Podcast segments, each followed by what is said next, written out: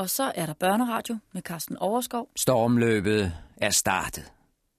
Den sorte ridder styrter frem til fods i spidsen for sine mænd. De forserer det åbne terræn mellem skovbrynet og borgens yderste befæstning, og de når frem til palisaderne skønt, pile og sten havler ned over dem, og flere sejner om allerede i denne åbningsfase. Frem vil den sorte ridder. Intet kan åbenbart stoppe ham i dag. Han trumler frem med hævet økse og kaster sig mod palisademuren. Væk skal de stolper. Ned med dem! Han hugger, sig, splinterne flyver i luften.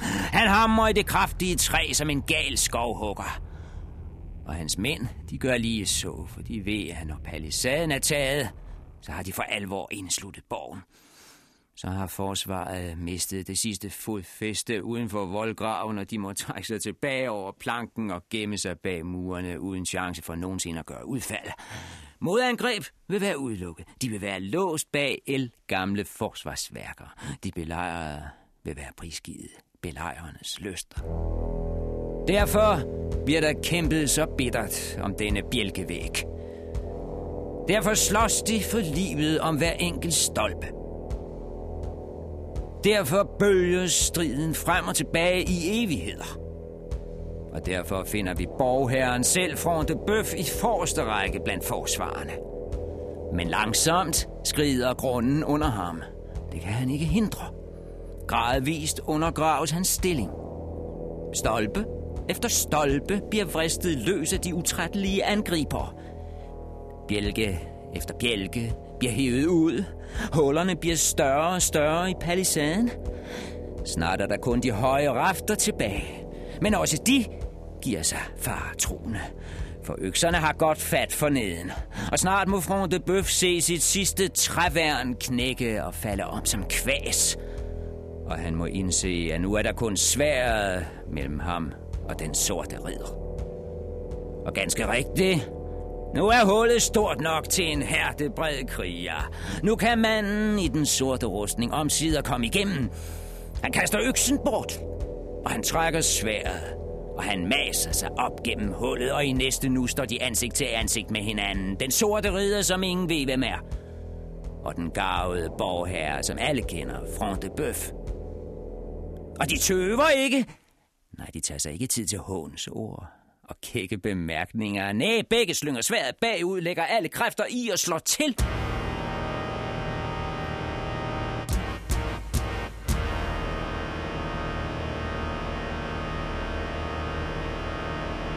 Der kan Rebecca ikke holde ud at se mere. Indtil nu har hun fulgt alt, hvad der skete for det lille vindue i borgen, og hun har fortalt det videre til den unge mand i sengen, som er alt for svag og lemlæstet til selv at stå op og følge begivenhederne. Hun har fortalt ham det hele. Men nu nægter hun at se mere. Det er for stærkt, det der foregår. Redselslagen river hun sig løs for det frygtelige syn derude og vender ryggen til vinduet. Kun for at høre en fortvivlet stønnen fra den sårede mand over i sengen. Det kan du ikke, Rebecca. Du kan da ikke holde op nu, midt i det allermest spændende. Netop. Derfor tager vi nu fat på afsnit nummer 17. 17. del af den største af alle ridderhistorier. 17. del af Ivanhoe.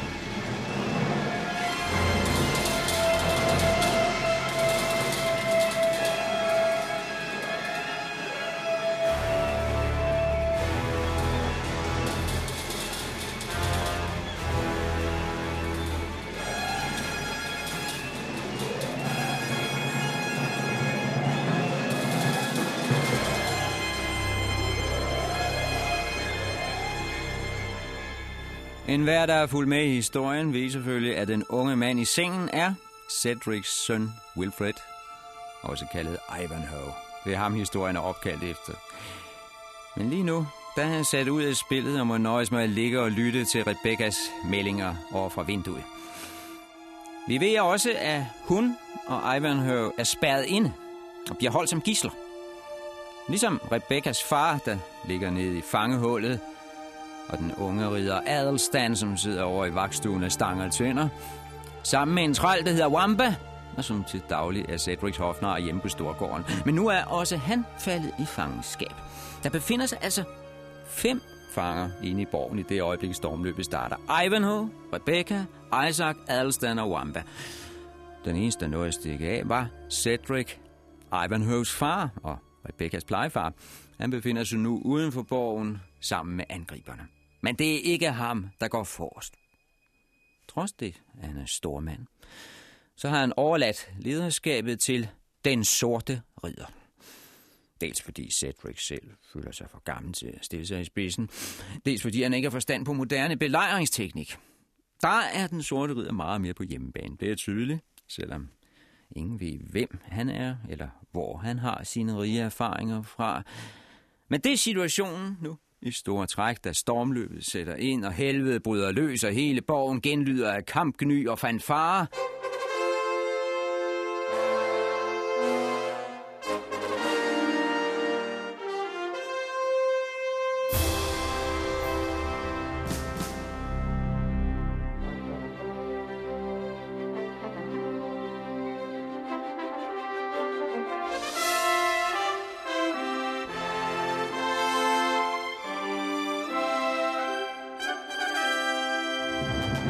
Hvad sker der? Hvad sker der? Så vend dig dog om, Rebecca, og se, hvad der sker. Men den unge pige ville ikke se mere. Hørte du ikke hornsignalet? Han er fældet. Han er sejnet om. Jamen, hvem? stønnede Ivanhoe hen for sengen. Jeg så det selv. Den store ridder er faldet. Hvem er dem, min pige? Så sig dog, hvem, hvem, hvem? Ivanhoe led værre end nogensinde. Nu var hans lidelser ganget med tre. Dels så døjede han med sine smertefulde sår. Dels gennemgik han helvedes kvaler, fordi han ikke selv kunne deltage i kampen. Og nu blev han også pint af den svøbe, det er ikke at vide, hvad der foregår. Han anede ikke, hvad der skete udenfor, hvis det pigebarn ikke snart tog sig sammen. Så sig dog for pokker, hvem det er. Hvem er faldet? Hvilken ridder? Og med det spørgsmål rungende i øret, vil jeg byde alle velkommen til 17. del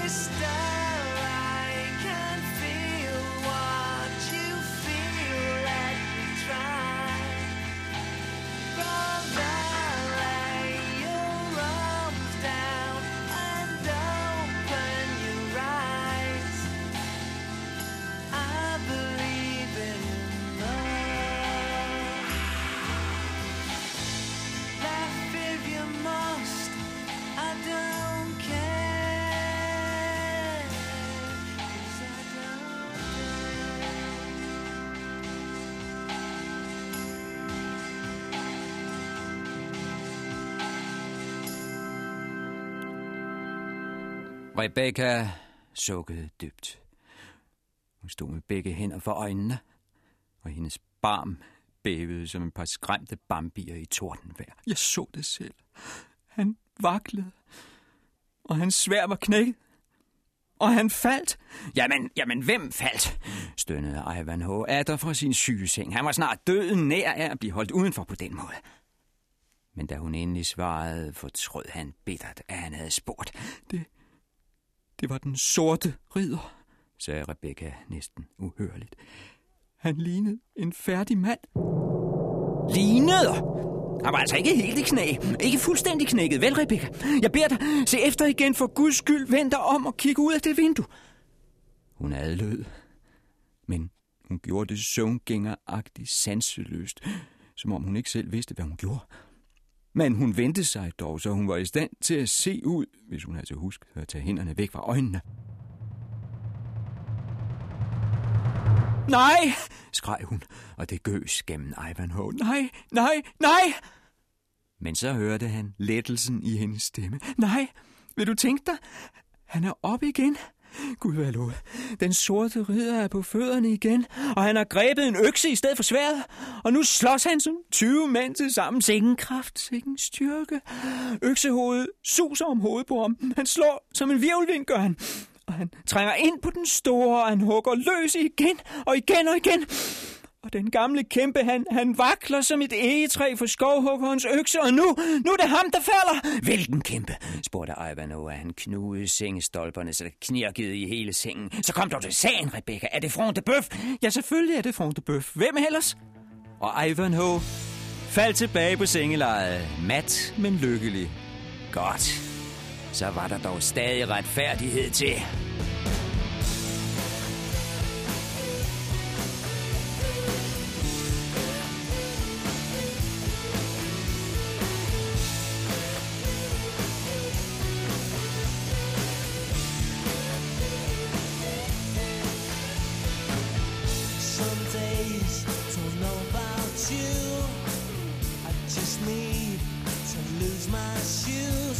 Dream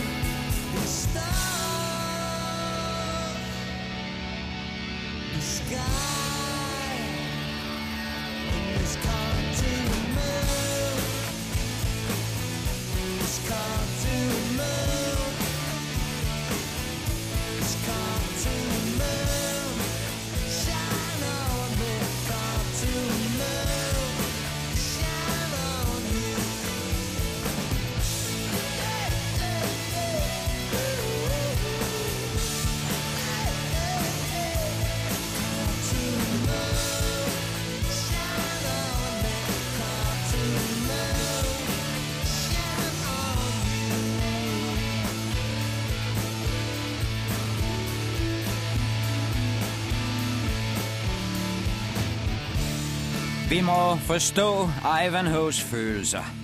Han havde alt mulig grund til at hade og foragte Front de Bøf og fryde sig over hans fald.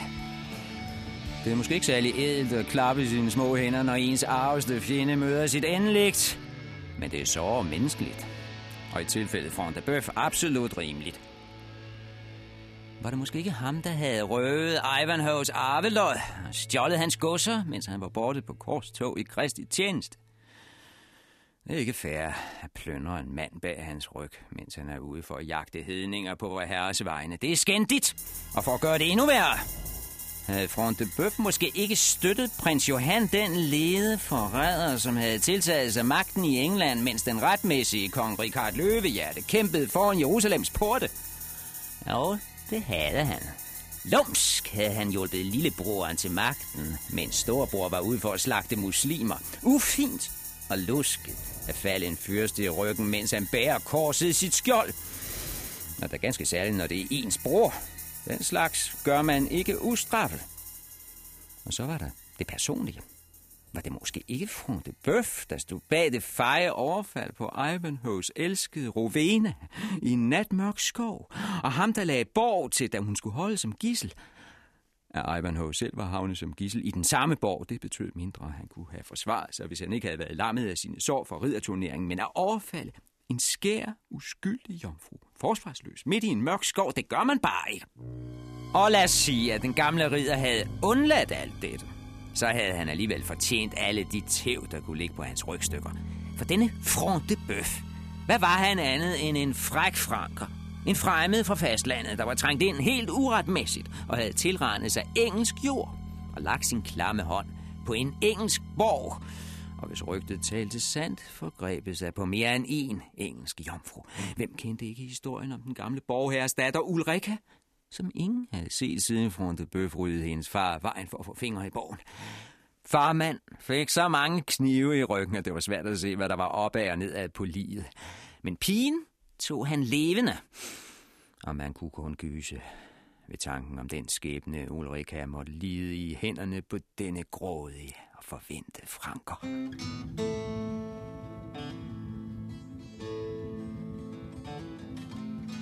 Jo, han havde sandelig fortjent sit dybe fald. I dag havde han fået sin dom. Herrens dom. Og den var hård. Men absolut rimelig, synes Ivanhoe. Hvis ikke Front de Bøf skulle fælles for sine ugerninger, hvem skulle så? Though you know you have to go, it's much too hard to do. Pack all your things, though you only have few. We have got no business here, there's nothing left for us. Get on the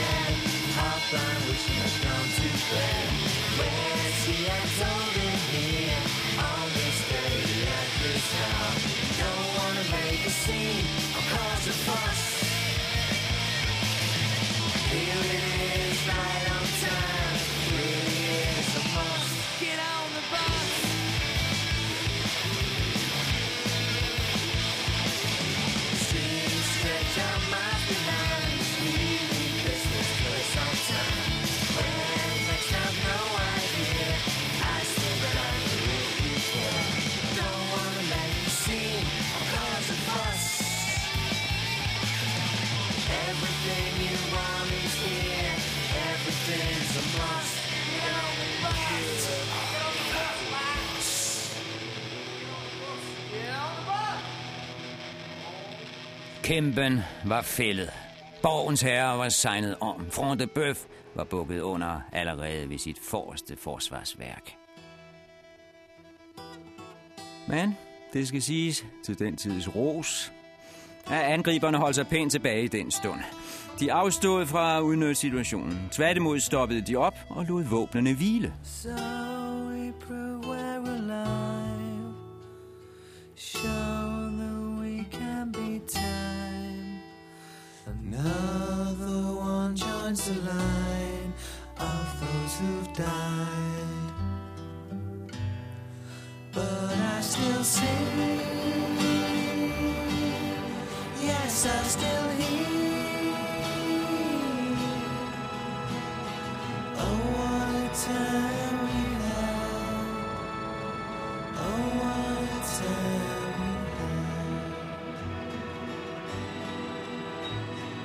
Alle stod stille og hæv efter vejret et kort øjeblik. Hvad enten det nu var af respekt for den slagende borgherre, eller fordi man trængte til et pusterum.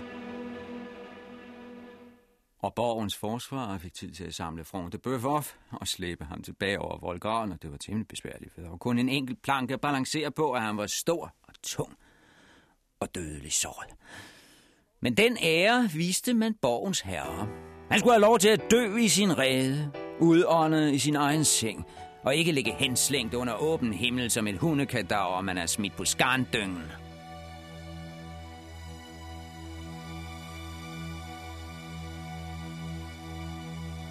Hvad sker der? spurgte Ivanhoe hen for sengen. Jeg, jeg synes, det blev lidt stille. De holder en pause, ser det ud til. En pause? Hvorfor smider de ikke, mens jernet er varmt og stormer ind og befrier os alle sammen? Det kan de ikke, det kan de ikke. Ham tempelridderen, han nåede at få planken trukket ind. Det er løgn. Ja, ja, nu er de selv nødt til at finde på en måde at komme over voldkraven. Der kan du bare se. Det er ham, Boagilbert igen. Det er ikke fair. En hver anden ridder ville have lavet planken ligge, så man kunne mødes i ærlig kamp, uden at skulle plaske rundt i en voldgrav først. Tænk bare på rustskaderne, på svær og harnis, det er fejt. Men det er typisk for den tempelridder. Han har aldrig hørt ordet hederlighed. Eller hvad mener du, Rebecca? Hvad Rebecca mente om Bois det holdt hun for sig selv. Der er ting, en jomfru ikke røber for nogen, Måske de de ting end er. Og heldigvis så slap hun for at svare, for straks efter døsede han hen, den unge mand. Ophidselsen havde været for stærk for Ivanhoe, svækket som han var af sine sår. Og snart var staklen slumret ind, som ramt af en hammer. Dad, it's an emergency.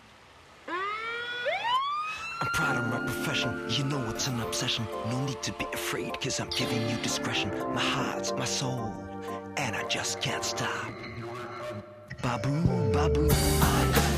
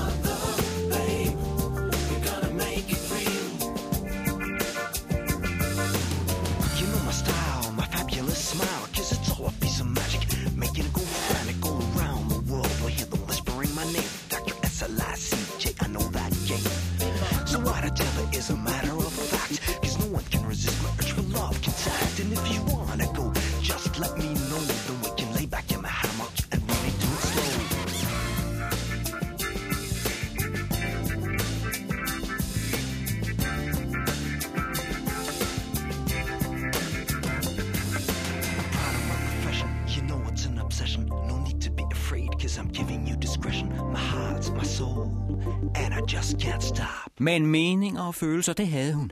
Rebecca havde en meget stærk mening om tempelridderen, og en meget varm følelse for den unge mand på sygelejet.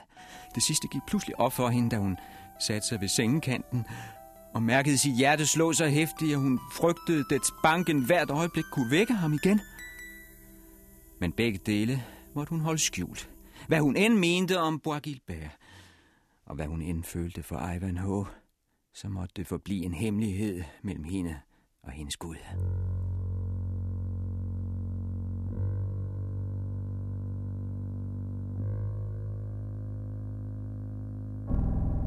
Nu var Rebecca i en særlig situation, fordi hun var datter af en jøde, og derfor aldrig kunne gøre sig håb om at få en mand som Ivanhoe. En lyshåret, kristen stormandssøn, det var fuldstændig udelukket. Og hvad mænd som Boagilbert angik, deres på en gang uhemmede og hånende adfærd over for hende, ja, så måtte hun også bide det i sig, for hun var jo kun jødinde. De kunne behandle hende, som de ville. Hun havde ingen ret i dette samfund, der var indrettet for franker og sakser. Hvor smuk hun end var, og hvor rig hendes far end blev, så ville de altid blive spyttet på og betragtet som sortsmuskede kryb, der ikke havde noget at gøre i det kristne England. Men selv hvis vi ser bort fra det, altså de særlige problemer, Rebecca havde som jøde, så var hun håbløst stillet over for Bois Der delte hun skæbne med alle andre piger i verden.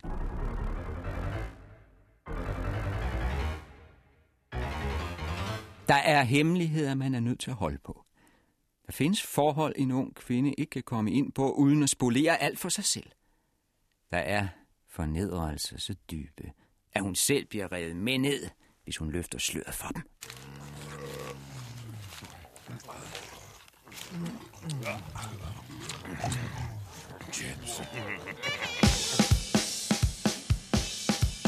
Have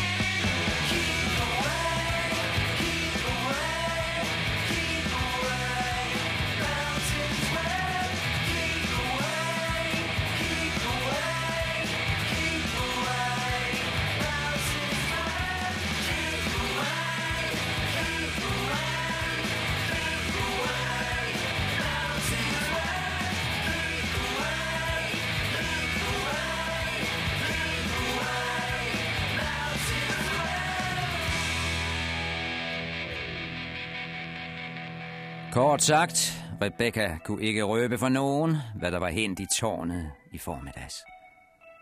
Hun havde ikke en levende sjæl at betro sine kvaler til. Kun vi ved det, for vi var til stede. Så det er fordelen ved at få en historie fortalt frem for selv at være med i den. Vi ved mere, end personerne selv gør. Vi sidder udenfor og lurer på det hele. Vi svæver over vandet, og vi kan se alt, hvad der foregår. Vi er til stede både her og der. Og som enhver kan huske, var vi også til stede og overværede den skændselsdåd, der udspillede sig på toppen af borgens højeste tårn få timer før. Dengang tempelridderen kastede kappen og røbede sit sande jeg, og hun, Rebecca, søgte at undvige, men endte med brystværnet i ryggen på tårnets yderste kant.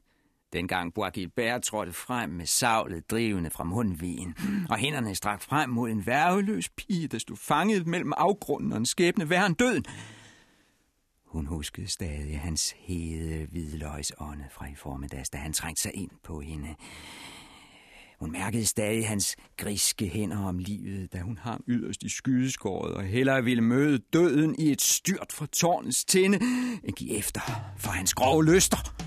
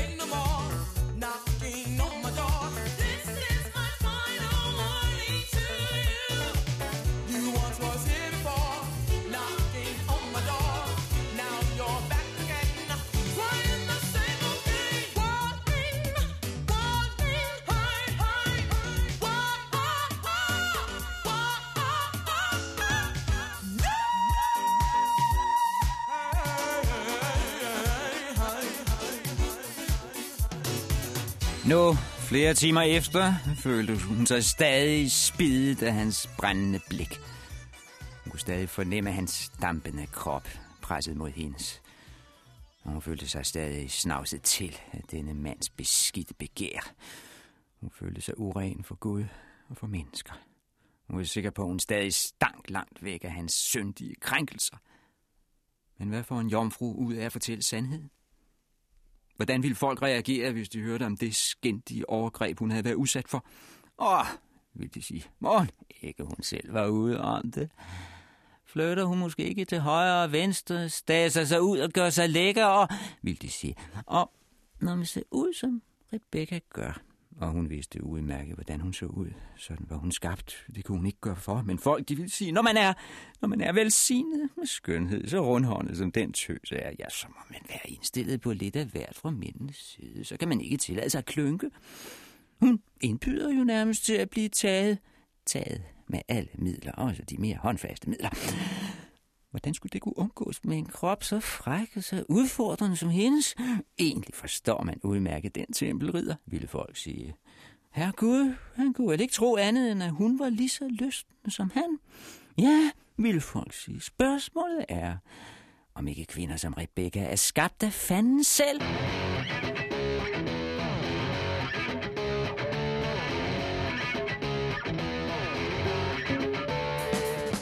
Er hun ikke skabt blot for at lede mandfolk i fristelse og fordærve? Jamen, jamen, så må der være dem, der har krav på vores tilgivelse, ikke hende. Så må vi ynke de stakkels mænd, der spræller sig afmægtigt i deres lysters vold, aldrig hende. For den, der gør sig til djævelens redskab, har forspildt alt håb om frelse.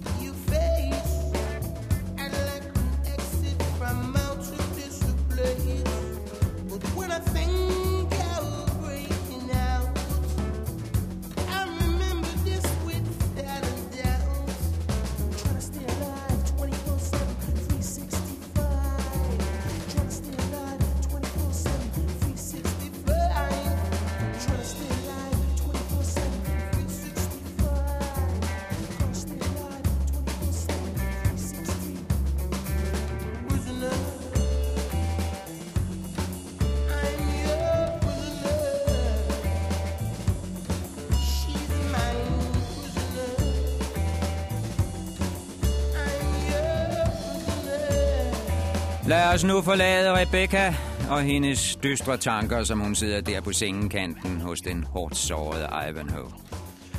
At hun ovenikøbet er dybt forelsket i netop ham, det gør jo ikke sagen bedre. Jeg synes, hun har krav på at være lidt alene, så hun kan få bearbejdet sin sorg og sin håbløse længsel. Så kan vi andre passende benytte lejligheden til at stige uden for borgen og se lidt på den militære situation. Det første angreb var kun en delvis succes. Vel lykkedes det at erobre den ydre befæstning, altså palisaderne, og tvinge forsvaret ind bag murene, altså ind på selve borgen. Men det var der ikke meget vundet ved, for borgen stod jo stadig. De meter tykke mure kunne ikke nok så mange bueskytter stille noget op mod. Før eller siden skulle de over voldgraven og angribe direkte. Men hvordan?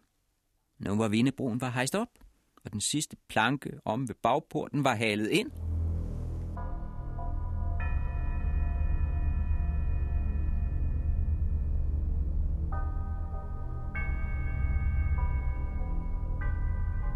Som så ofte den dag var det den sorte ridder, der tog initiativet.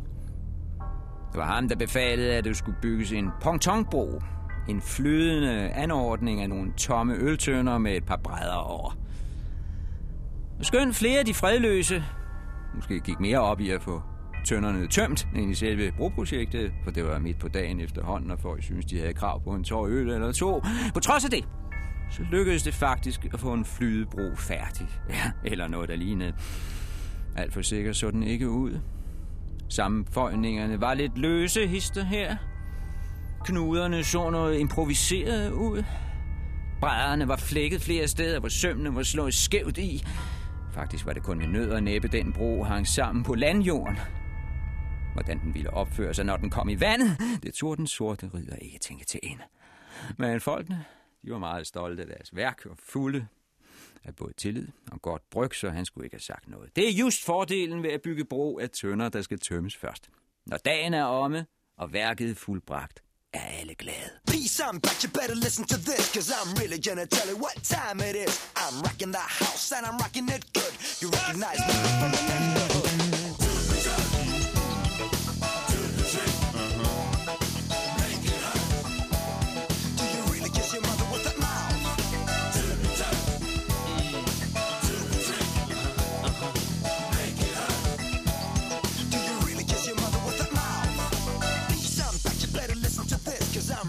tell you what time it is. I'm rocking the house and I'm rocking it good. You recognize me from the neighborhood, the neighborhood. The whole crew came from, so I'm making mm-hmm. a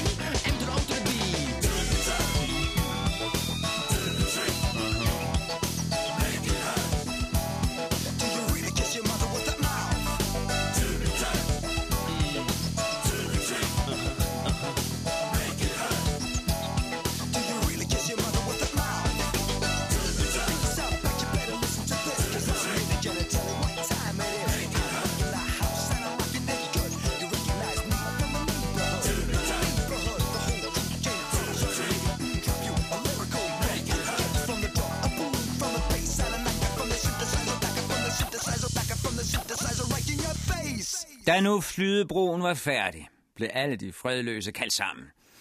Og den sorte ridder steg op på konstruktionen, i stedet hvor brædderne kunne bære, det havde han sikkert sig på forhånd, og bad dem holde kæft og høre efter.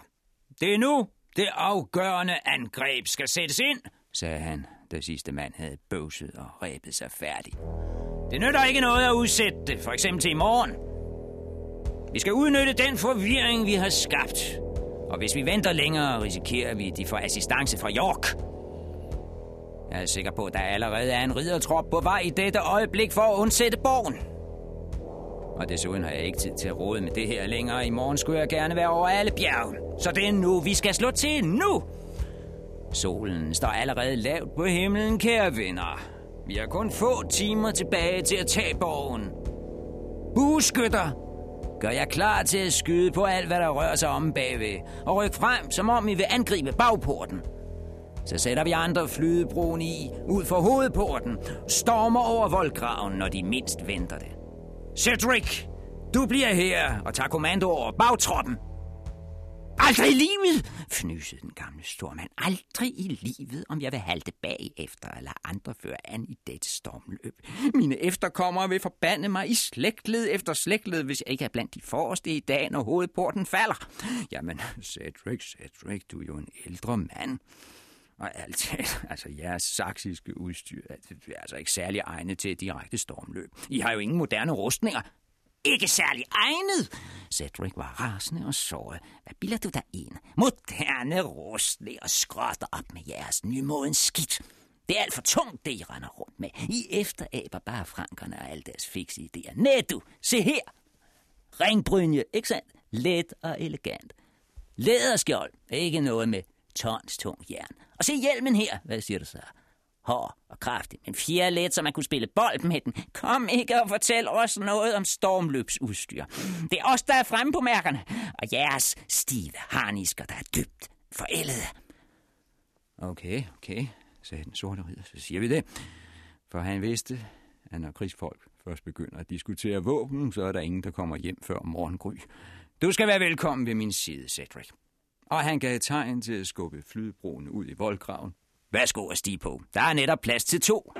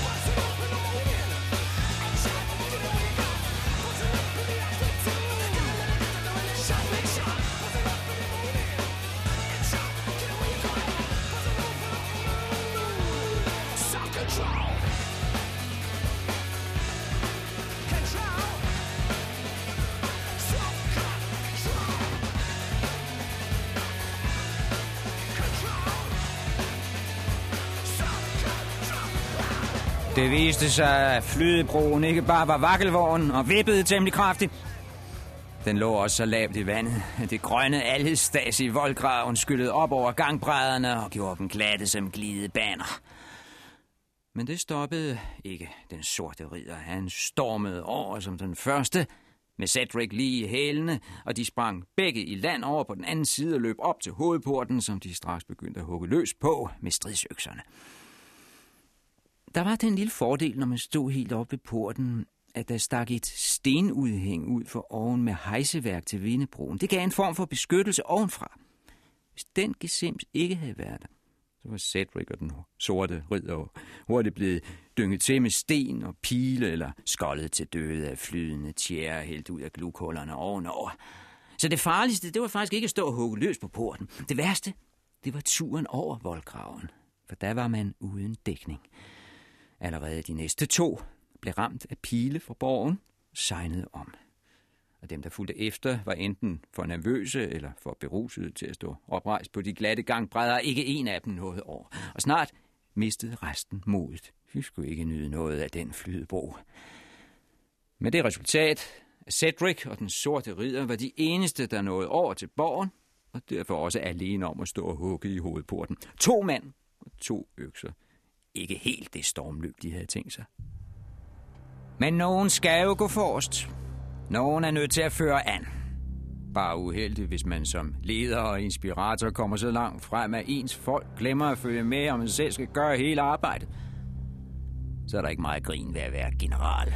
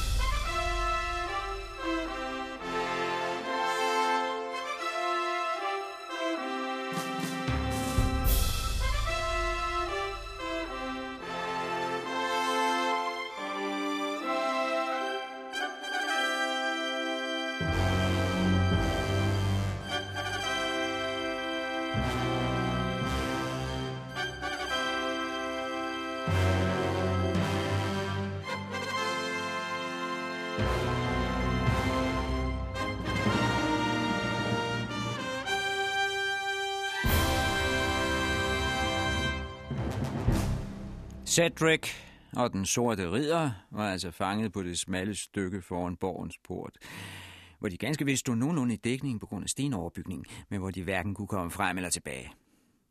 Der var ikke andet at gøre end at blive ved med at hugge løs på porten med deres økser, og så i øvrigt håbe det bedste. Men oppe på borgen havde de for længe set situationen. Og den unge Ridder Bracy var allerede ved at træffe sine forholdsregler. Han skulle hurtigt få gjort kål på de to øksehuggere. Slip buerne, folkens, råbte han til sine skytter i porttårnet. Og få fat i nogle koben og løftestænger.